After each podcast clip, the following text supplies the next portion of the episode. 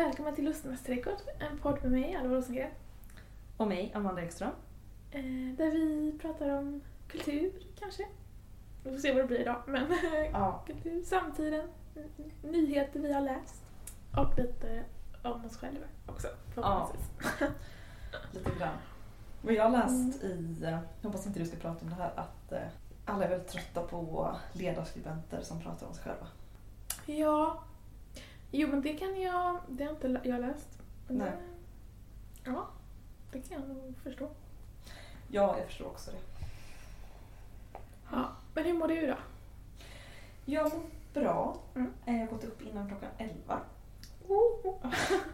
Och det är torsdag idag. Ehm, nej men eh, jag mår bra. Jag har varit i skolan. Igår köpte jag ett par nya skor. Mm. Eh, ett par vagabondskor för 150 kronor. Oj! Eller 140 till och med. På Myrorna. Ja, vad härligt. Mm. Det blir man glad av. Mm. Eh, idag har jag bakat bröd. Blev det bra? Ja. Alltså det blir bättre än det brukar bli när jag gör det. Så att jag skulle inte säga att jag förbättras liksom. Men jag tycker att det är väldigt, väldigt svårt Ja, men det blir väl ofta ganska kompakt. när jag gör det. Ja, precis. Ja, nej, men jag har gjort det också. Ja. Ja, det blir det. Precis, jättekompakt. Ehm, Men så länge man liksom skyndar och trycker i sig allt medan det fortfarande är ljummet så är det ju... Ja, eh, jag känner mig lite ovan vid podda. Ja, Eh, Men- Att jag liksom inte har kommit på någonting att säga. mm. Men eh, ja, hur mår du? Jag eh, mår bra. Eller nu är jag lite kall, men jag har ju tagit på mig... Jag har ju suttit i typ eh, shorts innan, så nu har jag tagit på mig långkalsonger Mm. och en ull, ulltröja. Så Mm. nu ska jag väl... Du då, ger lite setting till hur vi sitter här. Ja. Liksom en miljöbeskrivning. Mm, mm, exakt. Nej men så sen eh, går det bra. Jag tycker väldigt mycket om min nya kurs. Den är rolig. Mm. Eh, fast jag är fortfarande inte så bra på att läsa all kurslitteratur. Nej. Eh, det har varit så att de senaste veckorna att jag har läst liksom två sidor av kurslitteratur typ. Och sen, Av, vadå, 50 sidor? nej men okej, vi kanske läser typ hälften av allt. Mm. Då är det inte så att jag läser, alltså jag läser, jag läser vanligt. alla olika grejer men jag läser bara hälften av dem. Ja. Typ när vi ska, lä- ska läsa Inferno tror jag läste kanske 60-70 procent. Men det är väl så man gör. Ja, men när, man ska, när det är liksom, ja, jo. Ja, eller så du måste skärpa dig och bli bättre på det. Mm. Mm. ja. Det är de två sakerna jag kan säga. Men det är bara att du är hård. Det är det jag behöver för att jag ska göra saker. Okej, Någon men som då ska jag vara mer, ha en hård Du får säga så varje dag. Alva, har du läst kurslitteratur? Annars får du ingen mat. Ja. Nej men det är kul. Så, och sen så har jag en Du måste berätta för lyssnarna vad du... Jag läst litteraturvetenskap. Men jag också, går också den här skrivkursen Mm. som är kul. Men nu har vi typ fått en, det som jag tycker har varit den svåraste skrivuppgiften hittills. Som jag ska vara klar med imorgon. Mm. Eh, men jag har börjat skriva idag i alla fall. Mm. Eh, men det är liksom historiskt skrivande och skriva ett bröllop. Eh, skriva ett bröllop i en annan tid. Mm. Eh, och då har jag valt det tidiga 1800-talet. Mm. Googlat massa. Åh gud vad bra. Det som författare gör, Mm. som de är så här, jag måste, jag, du måste liksom lägga tid på olika saker för att göra research till sina Ja. arbeten. Ja. Så så här, men jag måste åka till liksom Australien nu för att här, det är ju research för mitt Ja. jobb. Eller så här, jag måste kolla på den här filmen. Det är ju research. ja, exakt. Mm. Eh, Underbart. ja, men så det, vi har ändå kommit en bit, en bit på det. Mm. Så det, det är kul. Ja, så jag mår bra. Mm. Men jag tycker bara att det är mörkt hela tiden. Ja. Jag måste typ köpa fler lampor till mitt rum. Jag, jag har köpt jättemånga lampor som du ser. Ja. Och jag skulle vilja ha ytterligare en. Mm, För att man ska ha minst sex ljuskällor i varje rum. okej. Ja, jag har bara Varav tre. bara en får vara en taklampa. Ja, utan min taklampa har jag bara två. Mm. Så jag skaffar mer. Men det är så dyrt. Jag måste också köpa en byrå. Och eh, Mm. ja, det är inte billigt att ha ett rum. Borde bara ha ett tält. Ja. När, när, när det regnar manna har det varit ingen sked. Ehm, mm. Vi kanske ska be om ursäkt för ljudet också. ja, alltså vi... Vi har ju lämnat K103 och Mm. stormat ut. Dramatiskt. Vi var ju lite Nej, ju för vi har Nej, flyttat till det. Skåne, det har vi inte sagt. Ja, när vi har Eh. flyttat från eh, Göteborg till Malmö. Ja, och vi, nu är vi independent. Ja. Egenföretaget. Eh, ja, så vi får väl se hur det går. Uh, Mm. Med ljudet så har vi inte lyckats jättebra hittills men eh, vi får se. Det kanske blir bättre till nästa vecka. ja, Förhoppningsvis. det var bara en av mikrofonerna som funkar på, så nu kör vi med zoomen i sitt nakna tillstånd. Fast med strumpa. Så vi Ja. får hoppas på det bästa. Ja. Ehm, ja, nej men jag mår faktiskt bra. Mm. Tror jag. Jag vaknade vid eh, typ åtta idag, tror jag. Mm. Nej. Nej. när jag gick hemifrån. Ja. Men varför var du uppe så tidigt idag? För jag, vi har börjat ha skola mellan 9 till 12. Mm. Och det är faktiskt ganska bra för mig, Mm. tror jag. Ja, men så, jag, jag har ju mina körlektioner också. Då har jag ju bokat in dem 9.30 nu. Mm. Så då kommer man ju upp. Och annars har jag också föreläsningar vid 9. Mm. Mm. Så det tror jag är bra under vinterhalvåret. Mm. Annars sover man ju mycket. Ska jag berätta vad jag skrev innan? Mm. När jag, jag tänkte, jag skrev så här ett Google Docs. Och så skrev jag. Ämnen till poddinspelning. Mm. 2 november 2023. Ja. Och så skrev jag så här. Allt det jag kanske inte kan ha med. För det är Nej. samtidigt privata. Men det kanske är roligt för dig. Ja. Ehm, kanske min nyfunna relation till Gud. Ja. Det är det enda jag kom på idag. Ehm, Men har inte du alltid haft en relation till Gud? jo, men jag har kommit på en, he- alltså jag kommit på en helt ny grej som man ska göra med Gud. Ah, Du har fått en ny dynamik i er relation. Exakt, det är det. För att jag har inte fattat att man har en relation till Gud. Nej. Eh, alltså jag har trott att det är så här att man tänker sig Gud är så tacksam för livet, jag vet att Gud älskar mig. Mm. Skönt att tänka så ibland. Ja. Men nu ser jag Gud som min älskare. För att jag har lyssnat på en låt Ja. eh, av en kille som heter DJ Bentoa eller någonting. Han låter som en, Men han, kom, ja, men han kommer upp lite grann på typ så här, när man lyssnar på afrobeats på Mm. typ så här, den radio Mm. från Spotify. Ja, det har kommit upp för mig. Eh, och han har en låt som heter I love you forever. Nej, I love you forever my lord. Ja. Och då så insåg jag liksom att så här, man kan ju se på sin relation till Gud som man skulle se med liksom en människa man älskar. Mm. Eller så att man liksom kan, jag har aldrig tänkt så här, jag älskar Gud. Jag har bara tänkt så här, Gud älskar mig. Men Jaha, jag ja. älskar Gud. Mm. Och det har gjort mig så jätte, jätteglad. Och det har varit liksom helt fantastiskt. Ja, men Ja. jag har ju tänkt, ja, nej säg klart. Nej men att jag liksom vet, det känns som att massa energi jag haft i kroppen kan jag liksom veta vart jag ska Mm. rikta. Ja, men har det liksom ändrat något i din vardag? Inget så konkret som jag gör, men eh, mer än att jag är liksom uppfylld med liksom, som en så här känsla i bröstet som är lätt och härlig. Ja. För jag brukar ju så förhandla med Gud. Ja. Typ. Ja. Alltså no offense Alva, men sånt brukade jag göra när jag var liten. Men ja, berätta. Jag kan tänka så, typ om jag ska be, Ja. vilket jag gör ibland om, nä om nätterna mest. Eh, men då kan jag vara så, oh, hjälp mig med det här. Men jag behöver inte hjälp med det här, det kan jag klara själv. Skolan kan jag klara själv, men, det här får jag hjälpa till med. Ja okej. Ja men det är ändå rimligt. Så bara säga vad jag vill att Gud ska prioritera. Mm. Ja. Vilket inte så här. Eh, jag tror mer att det ger mig lite lugn för då kan jag vara så till mig själv typ om i skolan då ska jag göra det. Och så Mm. behöver inte jag tänka lika mycket på det Nej. andra som jag är orolig över. Mm. Typ, tror Där du behöver liksom lite yttre support. Man ska säga. Ja, Mm. exakt. Divine help. Mm. Eh, men så det var första punkten på min lista.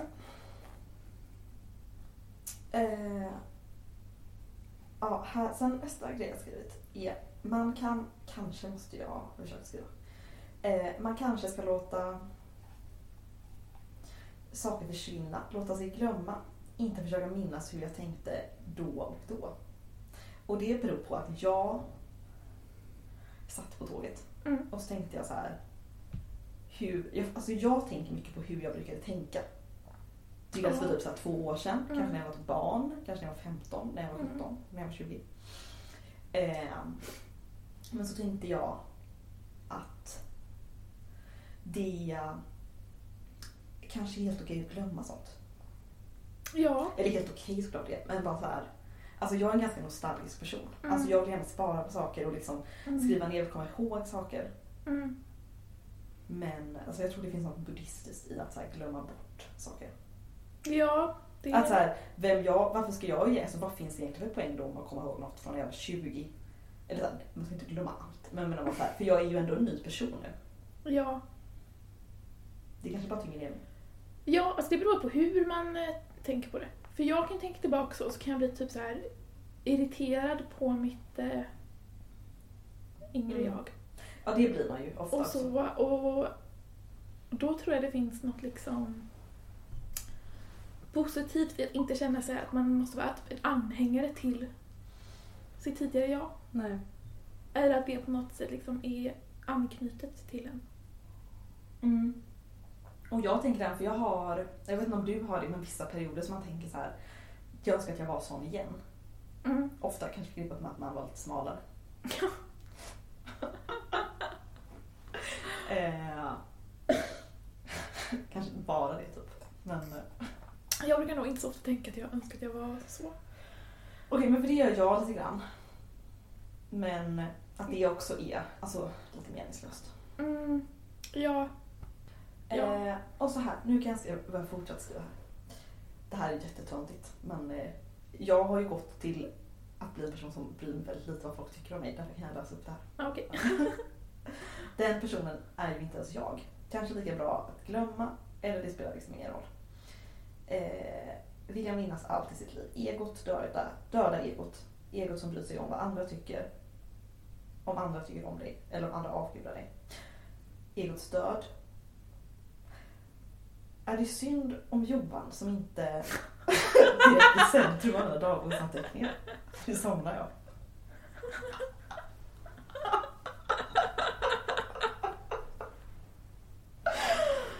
Ja.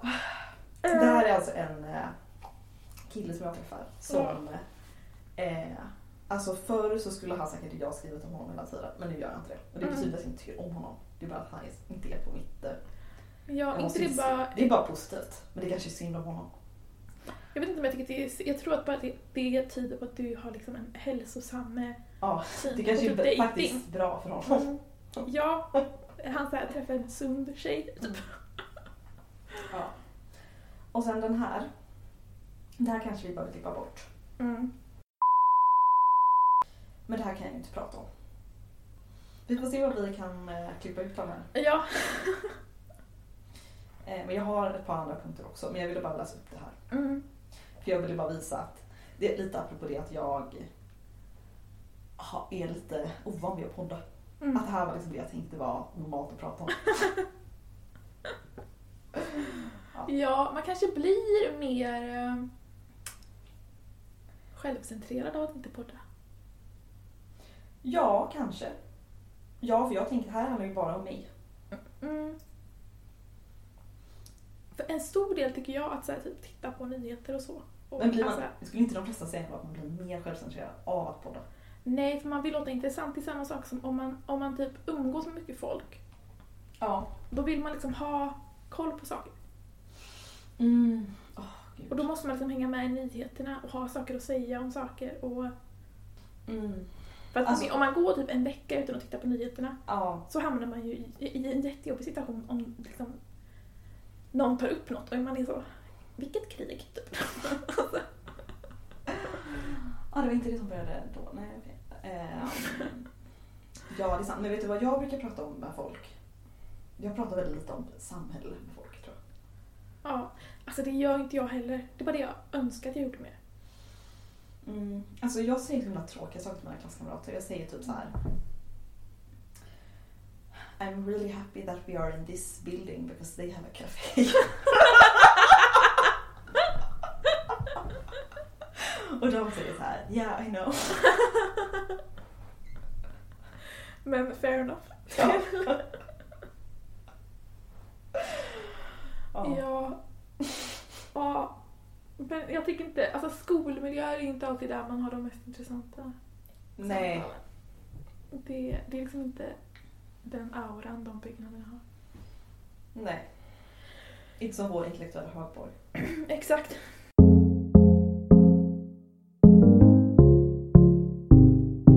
Ska jag börja på ett tema? Ja, gör det. Jag har ändå tre saker. Mm. För jag såg idag, i morse, Mm. Eh, på Uppdrag granskning, Mm. kycklingpriset tror jag den Ja, heter. just det. Eller fan vad du att du skulle prata om. Pris. Mm. Och det handlar ju om så här, det är en journalist som, och så har de typ fått videor från, alltså när man skapar kycklingar, eller alltså kycklingindustrin, inte skapar kycklingar, men Mm. Ja, föder ja, då, då finns det ju dels då det här som man brukar prata om, typ de här kycklingarna som föds upp för att slaktas liksom. Mm. Men sen finns det något som heter GP, eller Mhm. som är då typ, alltså det står typ för grandparents eller något sånt där tror jag. Aha. Alltså det är liksom mor och farföräldrarna till eh, de här, alltså Mm. eh, de som föds upp och ska liksom lägga ägg och skapa Mm. massa som man kan slakta sen. Mm. Eh, och grejen är då att det, det finns liksom olika sorters kycklingar. Mm. Och i Sverige har vi någon som heter Ross någonting. Mm. Och Ross-kycklingen är liksom avlad för att äta jätte- jättemycket så att de blir, växer till sig jättesnabbt. Mm. Så de här kycklingarna som ska dödas, de blir liksom typ 30 dagar gamla och sen Mm. slaktas de. Mm. Då ska de liksom bli stora, stora Mm. kycklingar på den tiden. Problemet då med de, alltså mor och farföräldrarna är att de ska leva i typ Mm. eh, över, om det var 300-400 dagar. Mm. Eh, och då, om de äter jättemycket hela tiden, Mm. så föräter de sig så att de dör liksom. Mm. Eh, och då måste man eh, sätta dem om på en diet, alltså Mm. typ svälta dem i Ja. princip. Så de får jättelite mat. Mm. Vilket gör att de liksom blir...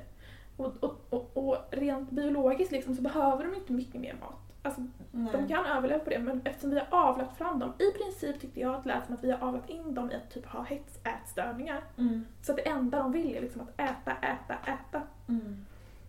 Eh, och de här ehm, kycklingarna, eller hönorna då, liksom, Mm.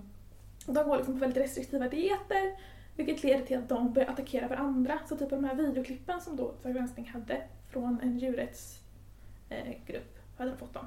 Mm. Som var inifrån ett av de här eh, stallen i Sverige. Där är det liksom, alltså typ det var någon del där det var eh, en höna som låg, som fortfarande andades medan de andra drog ut tarmarna ur den. Och sen åt maten i tarmarna. Nej, vad sjukt. För att de är så, alltså Oh my Och god. de liksom går och hackar på varandra, så alla har liksom fjädrarna, liksom, de är liksom, hälften av dem är, liksom är Mm. nakna. För att de går och rycker ut varandras fjädrar liksom. Mm. Eh, och attackerar varandra och blir skadade och... Ja, det är så verkligen hemskt ut. Mm. Eh, ja. Men det som jag tänkte på, alltså, och sen så var de också i Norge där de hade så här långsamt växande. Mm. Och de lever typ 40 dagar de. Och de är tydligen Mm. mycket mer stabila att ha. Ja. Det var alltså idylliskt typ. Mm. Ehm, så det var typ det Uppdrag granskning handlade om. Men det jag tänkte på var det här liksom, för typ man såg också videor från inne i så här, eh, de här liksom, eh, industrilokalerna med där de typ avlivas liksom Mm. på fel sätt. Och då rätt sätt att avliva en höna är tydligen att man slår dem i huvudet jättehårt Mm. så att de svimmar av och då blir bedövade. Ja. Och sen så snurrar man dem bara typ i halsen tills nacken bryts. Mm, Och det som var fel då var att de snurrade utan att slå dem i huvudet först. Och jag tyckte det såg helt sjukt ut. Jag var fy fan vad hemskt. Alltså Mm. usch. Men jag bara tänkte på det, alltså de som jobbar där. Ja. För det, jag antar då att det är djurvårdare som jobbar där. Mm. Och de här ställena har ju också veterinärer. Mm. Och jag blev bara så, alltså alla de här människorna som jobbar inom djur, alltså med djur, Mm. de borde ju älska djur. Men vet du att veterinärer är ju det mest deprimerade yrket?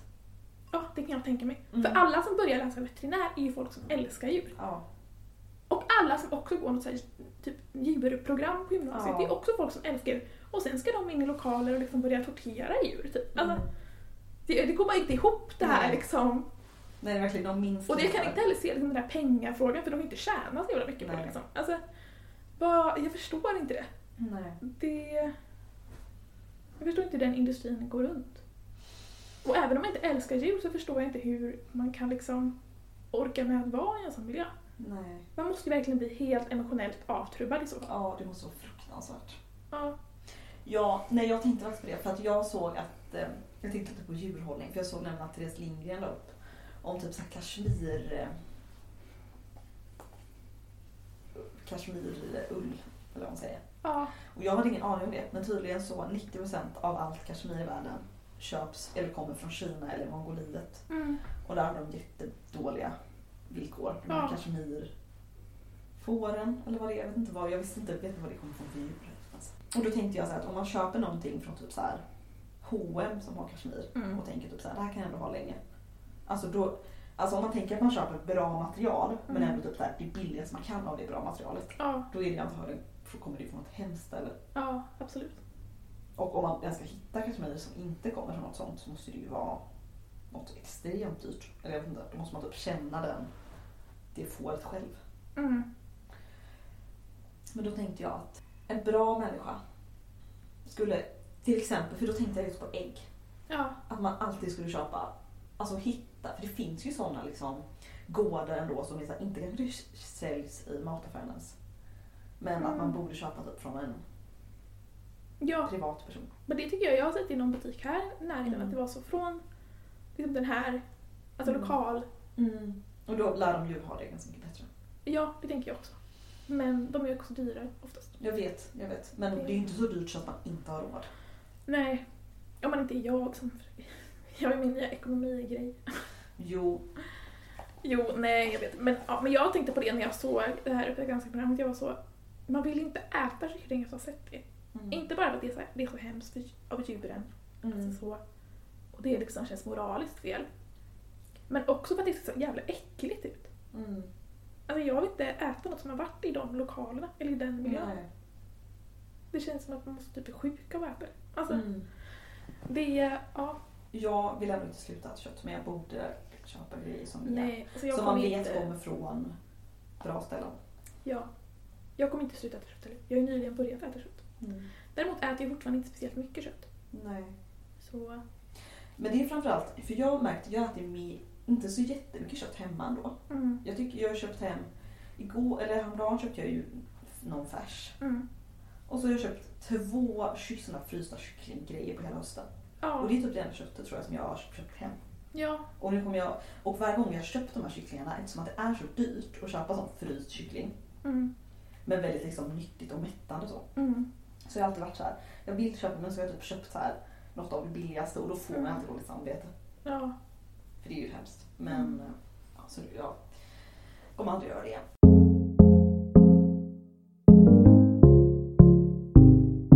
Jag har ju det här med minimilönen för arbetskraftsinvandring.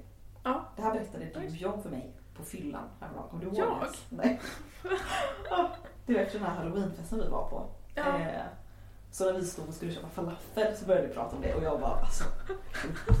Jag bara. Okej. Säg något smart i alla fall. Mm. Nej men så läste jag det igen. Och det är ju alltså ganska intressant för att det är ju regeringen som har bestämt att Mm. alltså de ska göra ett undantag från det här i början då men eh, Ja. att eh, för att få uppehållstillstånd i Sverige som arbetskraftsinvandrare så behöver man ha ett jobb som är betalt med 27 600 kronor eller något sånt. Mm. Minst i månaden. Eh, och det här är ju liksom inte för att man vill ha alltså, kvalificerad arbetskraftsinvandring Mm. utan det är ju för att man vill man anser att det är det som är, krävs liksom för att ha ett bra, ett bra liv. Typ. Mm. Eh, och då är det ju så himla verklighetsfrånvänt och sjukt av alltså politiker. Alltså som att de inte vet om att jättemånga vanliga jobb är, har mindre lön än så. Ja men absolut, det säger ju verkligen någonting om så här. Har de inte ens koll på vad, för det är ju mycket så här typ alltså undersköterskor eller vård. Undersköterskor, även jobba typ i en butik eller Jo, någonting. men jag liksom. tänker på speciellt för att Ja, här, speciellt vårdjobb, men så här väldigt många ja, jobb. men speciellt jobb som är eh, liksom betalt med skattepengar. Ja, Har de Mm. inte ens koll på vad, vad de nej, får betalt? nej. Alltså om de tycker att det krävs för att ha ett bra liv, då borde de ju satsa mer Mm. på att folk, åtminstone som de kan styra lönerna på, Ja, får mer verkligen. lön. Liksom. Ja, det är det som är så himla ironiskt. Alltså det blir ju... Ja, Alltså det är ju ett skämt typ. ja. Och så att säga, det enda undantaget som finns är så här au pairer. Ja. Det är Det, bara så här, men det är ju helt...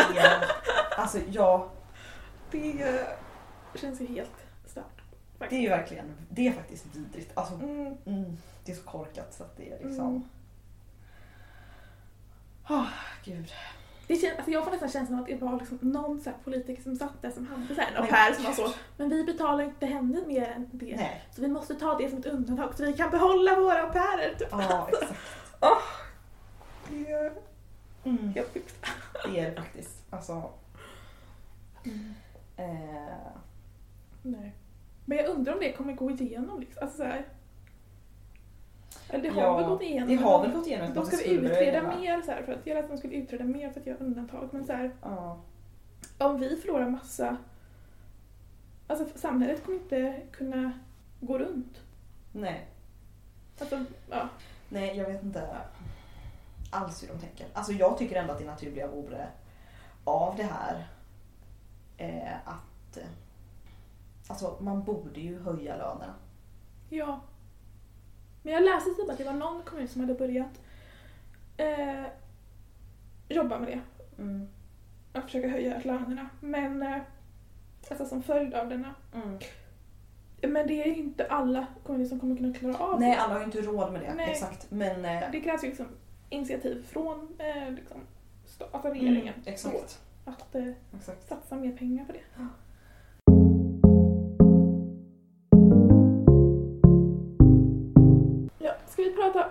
Pratat om eh, seriösa ämnen. Ska jag säga något roligt? Ja. För jag såg på, nu har jag inte tittat klart på den, Ja. men jag såg på en eh, dokumentär på SVT idag, Mm. eller halva. Sen så började jag tänka så himla mycket när jag såg den att Mm. jag var tvungen att sluta bara sitta och tänka. Mm. Men den handlar om... Den Gud vad heter... du är gullig Alva. ja. Den heter Tryffeljägarna i... ja men den har jag, jag har också sett halva.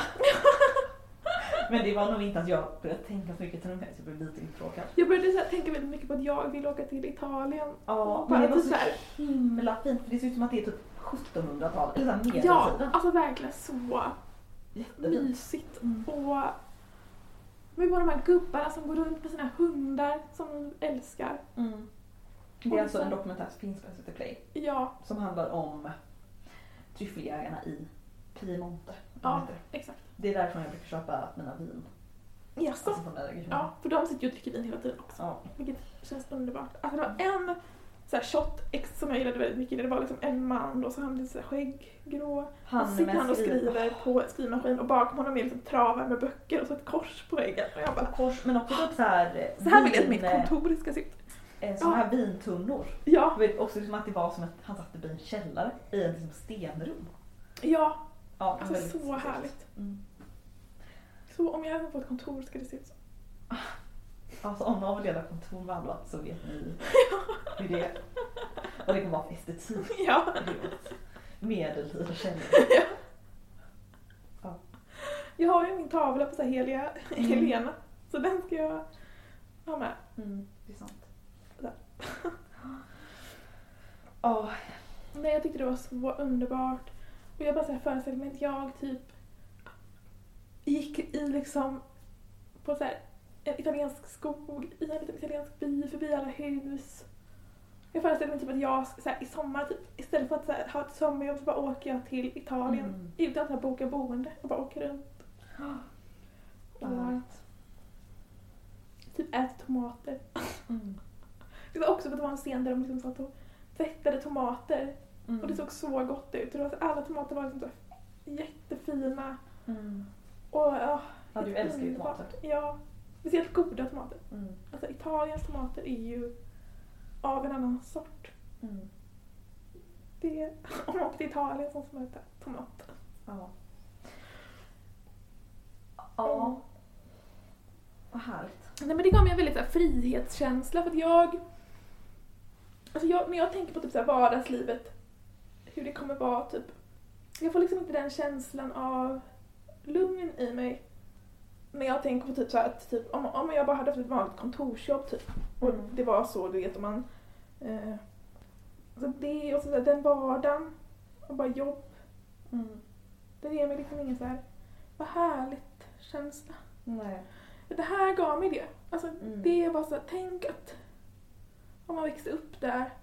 Mm. Nu tror jag att folk som växte upp där har en annan bild typ, av det Mm. kanske. Men så här, sånt, sån ro man måste hitta i sig själv liksom. Att vara så nära naturen. Och Ja. det, den får mig, mig liksom motsatt känsla till typ vad Twitter i mig. Mm. För där får jag den här känslan av att så jag blir så stressad av att jag behöver typ prestera och Mm.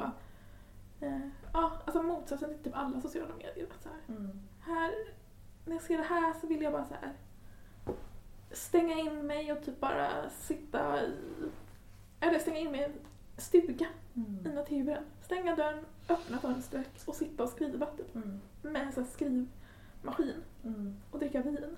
Gud vad härligt. Ja men jag förstår det. Alltså det är så man... eh, Och inte ha någon älskare förutom Gud. Nej, exakt. Eh, Mm. Ja, det tror jag inte de hade. Flera av dem. Väldigt Nej. ensamma. Mm. De hade bara här hundar. Det var jättegulligt. Det var en scen där han satt vid ett bord och hans hund fyllde år. Mm. Och så hade han en tårta. Ja. Alltså så gulligt. Och jag hade, kände sån respekt för honom för då var det liksom en yngre typ tryffeljägare. Mm. Som var så du måste, du är 84 nu, du kommer kanske dö snart. Så Du måste berätta för mig i alla fall Ja. vart du hittar din tryffel så att det, det Mm. liksom kan gå i arv. Och han var så bara såhär, nej absolut inte. Nej. Och jag bara, gud vilken respekt, att det handlar liksom inte...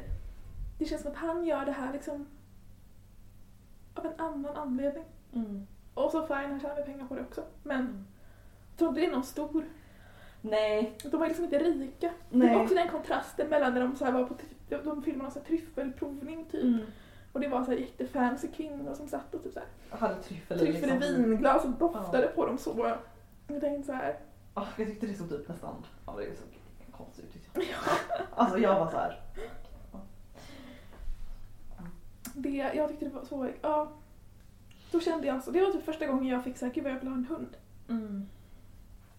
Så, Det vill jag också ha. mm. Och då vill jag ju bo i stuga också. Mm. Och att min hund ska kunna hitta tryffel åt mig. Ja. Nej, men eh, ja.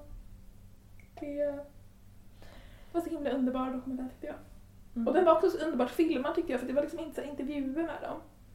Utan det var ju bara att filma deras liv. Ja. De, de, de pratar ju med varandra, de här tryffeljägarna Mm. typ. Men eh, dokumentärfilmen var ju liksom aldrig inne i det och ställde frågor.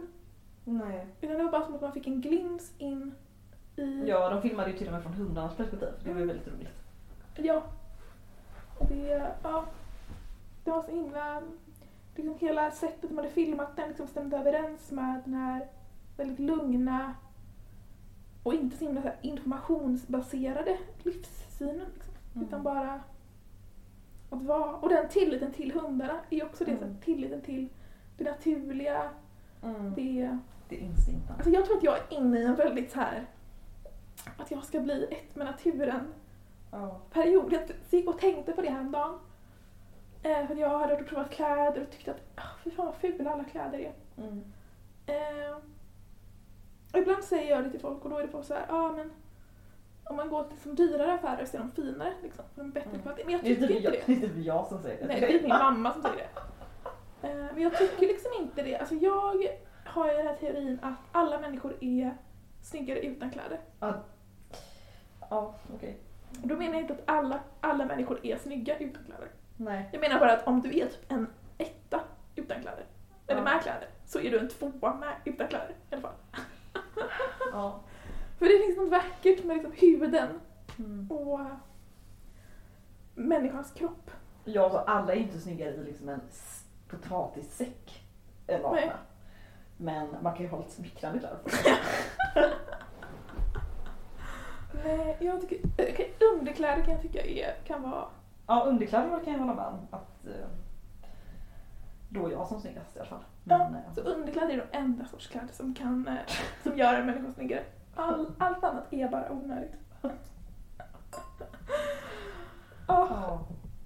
nej, jag kanske bara ska bli såhär nudist, tryffeljägare. ja, alltså det hade ändå gjort mig förvånad. Ja. Eh, Men varför inte? Det finns ju jättemånga nudiststränder i Ja.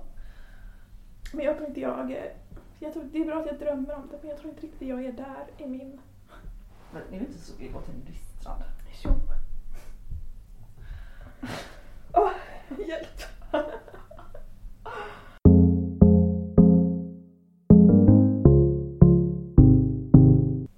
Men jag läste, det kom upp så här på mitt flöde.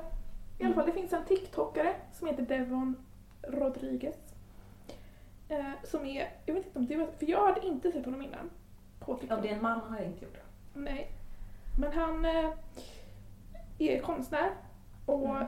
eh, gör så här porträtt på eh, tunnelbanan i New York, antar jag. Så han är så här hyperrealistiska, så han typ sitter och målar och du vet så går han fram till är så Mm. här och så är de så här wow, gud har du Coolt. målat den här typ. Mm. Eh, han har 32 miljoner följare. Ja. Har han gjort något dumt? Eh, nej men det som har hänt då var att han hade sin eh, första eh, utställning liksom. Mm. För han är ju inte... Han har pluggat på något, någon så här liten konst... Något med konst. Men han har liksom inte gått någon sån större konst. Alltså, han är liksom ingen kandidat i konst eller något sånt där. Eh, Så han har inte liksom haft den här naturliga vägen som han har blivit känd på sociala medier Mm. som konstnär. Och eh, så då hade han sin första utställning liksom. Det var såklart jättemånga som kom. För att han har 32 Mm. miljoner följare liksom. Eh, och då var det en eh, konstkritiker vid Mm. namn, ska jag kolla här vad han hette? Ben Davis. Mm. Som skriver för artnet.com. Som gick dit och skrev alltså en eh, recension Mm. av den utställningen. Som, eh, ska se vad den hette. Ja, han skrev en recension i alla fall. Och så skrev han typ så, han skrev ganska mycket om liksom eh, eh, Devon som lite så var han kom ifrån, för han kommer från en ganska fattig Mm. familj, fast lite bakgrund och så och skrev mycket, en del om det här liksom att han eh, att han inte har gått den här klassiska vägen och att ganska många i konstvärlden, Mm. alltså i den här finkulturvärlden, Mm. vet ju inte vem han är. Nej. För han har ju liksom inte... Oftast när konstnärer blir så här kända, kända, så Mm. tar ju de vägen av att de först får ett namn Mm. inom liksom konstvärlden Mm. och sen om de blir riktigt kända så tar de sig ut i... eh, Jo, massorna. men han här har ju liksom gjort tvärtom, att han har ju liksom inget namn i konstvärlden egentligen. Nej. Eh, utan bara på TikTok typ. Mm. Eh, och så skrev han liksom en liten recension om själva konsten också. Eh, och så sa han typ att det är väldigt realistiskt liksom, att eh, man kan ju inte så här, säga att han inte är duktig för det. Han. Det, ser Ja. väldigt, det ser ut som ett sorts foto. Men också att det har ju liksom inte, om du tittar på speciellt samtida konst så är det inte det du ser i Nej. den samtida liksom, eh, konsten. Nej. Men han skrev ändå att han var väldigt duktig. Men han sa också bara att en stor del av det är ju liksom den eh, parasociala relationen som han har med sina följare liksom. Eh, Mm. Som gjort honom känd. I vilket fall så, han Devon reagerade ju på det här Mm. Väldigt negativt. Ja. Eh, och liksom la upp massa och var så typ han skrev bland annat att det, Ben är hans största hater. Att, eh, att Ben försöker stänga ute honom från konstvärlden. Och sen skrev Ben då, eh, alltså den här konstkritikern, en uppföljningsartikel där han skrev då som heter The world's most popular painter sent his followers after me because he didn't like a review of his work. Here's what I learned. Mm. Ja, då skriver han typ att han vaknade liksom till så här massa, du vet, Hat. eh, ja typ kill Mm. yourself, bla bla bla. bla. Mm. Eh, han skrev också att då han hade fått ett mail från Devon och Devons liksom, vad jag antar är hans typ management Mm. eller något sånt. Som hade varit så, hej vi fick ingen chans att eh, svara på det här Nej. innan vi publicerade. Mm. Vilket är ju en sak, om man typ gör undersökande journalistik så måste man ju göra typ Uppdrag granskning. Då måste ju de, om de ska skriva om ett företag så måste de ju gå till företaget och vara så, hej vi har de här sakerna. Mm. Men som konstnär är ju inte det fallet. Nej, inte man recenserar någonting. Nej, Det är ju jättefjantigt. det är bara så himla... Men jag tyckte bara att det jag tänkte mycket var liksom dels då den här konsumtionen av konst om man tar eh, och det sträcker sig över alla olika konstformer. Men att det finns en skillnad på typ vad en person som kanske inte har ett så stort intresse för konst Mm. och en person som faktiskt är inne i konstvärlden har ser som bra konst eller vill Mm. konsumera som konst. Typ jag tycker inte om så här hyperrealism. Nej. Eh, och jag skulle väl kanske definiera mig någon som har ett konstintresse. Ja. Jag har ändå pluggat konst i ett år. Så att, ja, det kan man säga. har jag väl i alla fall. Ja. Jag skulle säga att de flesta, de som lä- lägger ner tillräckligt mycket tid så kan liksom lära dig att rita hyperrealistiskt. Mm. Skulle jag säga. Ja, Eh, ja, men de flesta. Men det Absolut. roliga med, som jag tycker är med konst är liksom folk som har egna idéer, de skapar Mm. något nytt. Något. Och det är väl det som också jag tyckte att den här Ben Davis sa i att han lite misslyckas, att det är liksom inget Nej. nytt. Och han jämförde också honom med andra typ så här, hyperrealistiska konstnärer som Mm. ändå gör det på ett mer personligt sätt, Mm. konsten. Alltså, jag bara tänkte på den skillnaden. Det, det kan jag tycka, alltså, du vet, eh, men så är det väl, alltså, så ska man ju se man typ så här, ja men ta Sverigedemokrater som har varit så här flumkultur Mm. typ. Att så här, vi ska gå tillbaka till det klassiska och det var det som är fint. Och, Mm. Och med arkitektur tycker jag. Exakt. Ja. Alltså. Eh, ja men verkligen. Att det känns som den här hyperrealismen är liksom mer en del av sånt som inte, liksom, de som inte uppskattar modern eller samtida konst. Eh, och hur stort det skiljer, alltså för jag kan tänka mig att av hans 32 miljoner följare så är det nog väldigt många som egentligen inte är så, alltså så här. Han Ja. kanske är den enda konstnären de följer liksom. Mm. Och en stor del är av det här liksom eh, Ja det ganska, reaktionen på videon, alltså det är snarare TikTok-videon som är precis, det är det som är coolt. Det är ju samma Ja. sak som när man ser en sån här video på när någon målar en hyperrealistisk penna typ. Om man är så här, Ja, man ser hur den mål, man målar den. Eller typ man ser att först tror man att det är en riktig penna och sen zoomar de in och så ser man att det bara var 2D. ja, Och det är ju jättecoolt. Men jag skulle inte vilja gå på ett museum och kolla på sånt. nej exakt. Ja. Liksom. Eh, Mm, Men jag insåg det med mig själv då för att jag var såhär, gud, alltså, kände, tyckte att han, Devon var lite töntig. mm. Hon var så det här. Jag var inte så imponerad, alltså även fast jag är imponerad, jag hade inte kunnat rita så, det är inte det jag säger. Eh, han är ju Nej. väldigt duktig men jag tyckte inte att det var kul konst att konsumera. Men samtidigt så, liksom, hans, när han är så, reagerar så att han reagerar så liksom defensivt till den här kritiken, recensionen, inte ens kritik, recensionen. Liksom. Eh, beror väl på att han har säkert en känsla av att liksom så här, den här känslan av att det finns liksom en kulturelit Mm. där han inte får komma in. Mm. Och det tycker jag är en känsla man kan eh, relatera till. Liksom att, eh, typ jag kan ju känna så ibland att typ så här, kulturen i Sverige är väldigt mycket liksom att ja, det är liksom kulturbarn som kommer in i den Mm. världen och du måste nästan ha liksom, kontakter och så att Mm. komma in i det sammanhanget. Liksom. Det är väldigt svårt att komma in i konstvärlden på alla, i alla olika liksom. Mm. Där relaterade jag honom men jag fick ju mer, jag kände att jag stod på andra spektrat i den här frågan än Mm. Alltså för första gången så var jag liksom på den tiden som var såhär mm, Fast det där är inte så bra typ. Ja, men det är det som är så himla svårt när man vill. Eh, alltså man vill ju inte vara en kultursnobb. Alltså man vill ju Mm. tycka att liksom så här, man vill ju främja att alla ska skapa och liksom Ja. Diskutera och allting så. Ehm, men samtidigt som man också vill kunna eh, tycka att saker är olika bra. Mm. Eller liksom att så här, säg, politiska diskussioner, att de kan hållas på olika nivåer. Mm. Liksom. Och att det är bra om de hålls på en hög nivå till exempel. Liksom. Ja, Eller att det är mer intressant. I alla fall. Och jag vet inte om man ska tycka att liksom, det bara är för en själv att så här, det här vill inte jag kolla på eller konsumera. Eller vara en del av. Eller om man ska liksom tycka att alla de, för det är ju ganska lätt att säga att ja, Mm. det kan ni göra. Men jag tänker titta på något annat liksom. ja, Eller om det är mer det här att de skulle också kunna uppskatta något annat om de bara visste typ. Mm. Men... eh, Ja. Ja, jag vet inte. Ja. Ja, för hur mycket jag än vill säga så att jag inte tycker om hans konst, jag tycker det Mm. är så här, inte så nyskapande eller så. Så har han ju ändå gjort det, alltså speciellt gjort konsten tillgänglig i och med att han Mm. har 32 miljoner följare. Liksom. Alltså, Mm. eh, vilket jag alltid pratar om att jag tycker att konst på alla sätt ska vara eh, tillgänglig. Och att jag Ja, ibland kan tycka typ att eh, samtida konst och så är lite för... Eh, försö- försöker vara för intellektuell och därför stänger ut en väldigt stor del av liksom... men det jag tänker är liksom, alltså det är ju så himla svårt för att om man tänker typ konst som man ser ibland, eller typ så design från typ så här 20-30-talet eller Mm. någonting.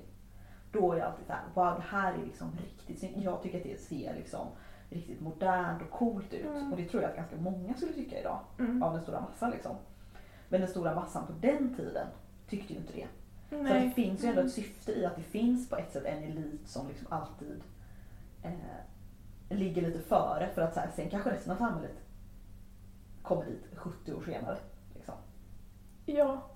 Eh, för annars kanske liksom eh, det inte skulle utvecklas. Men samtidigt undrar jag, för typ, nu när jag läser litteraturvetenskap så pratar vi, typ, vi läser om de här, jag har läst om typ riddarromaner var mm. ett exempel. Och det var ju liksom det som skrevs för eh, underhållning, alltså det var inte högkultur utan det var liksom på den tiden var det ju typ kyrkan som var, Mm. bestämde den fina kulturen Mm. och så med riddarromanerna var ju liksom lite så underhållning som bara spreds till massorna. Mm. Men samtidigt så är det ju mest riddarromaner vi läser om i, från den historiska epoken nu. Mm. Och då tänk, funderar jag liksom så här, om, om 200-300 år, Mm. kommer det vara liksom de här eh,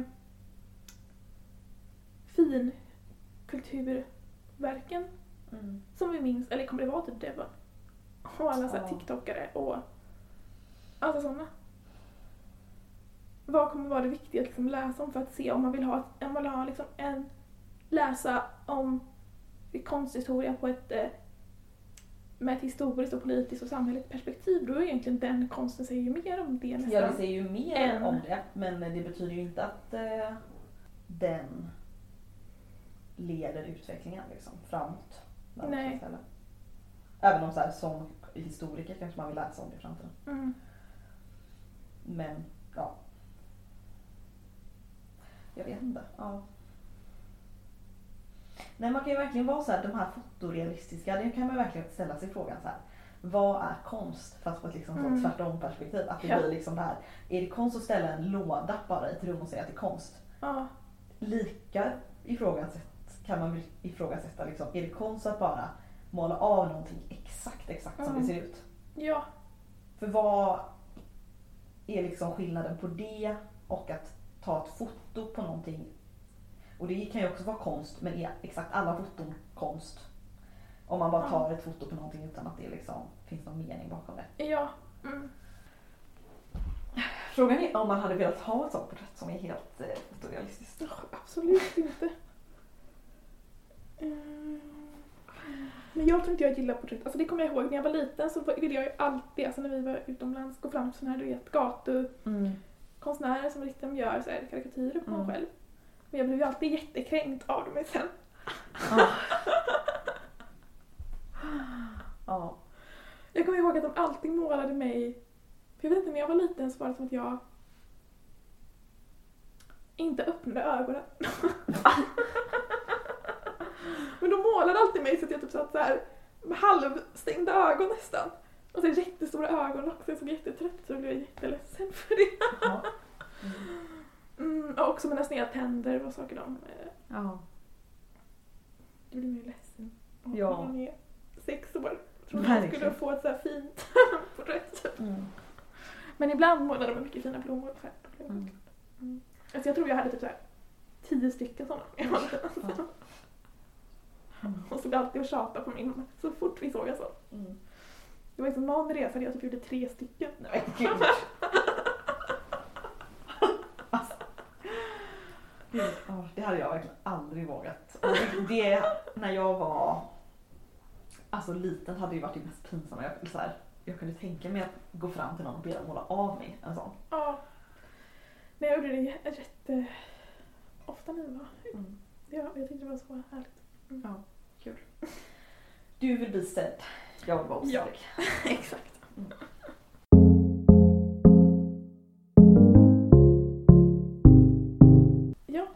ska jag avsluta? Vad är det vi brukar säga? Tack för oss. Tack för att du har lyssnat. Tack för att ni har lyssnat. Den här podden vet vi inte vart vi släpper. Eh, men någonstans kommer den. Ja men de lyssnar ju redan på den. Ja. Så att eh, det ska de väl ha klarat av. Det kommer väl på Spotify antar jag.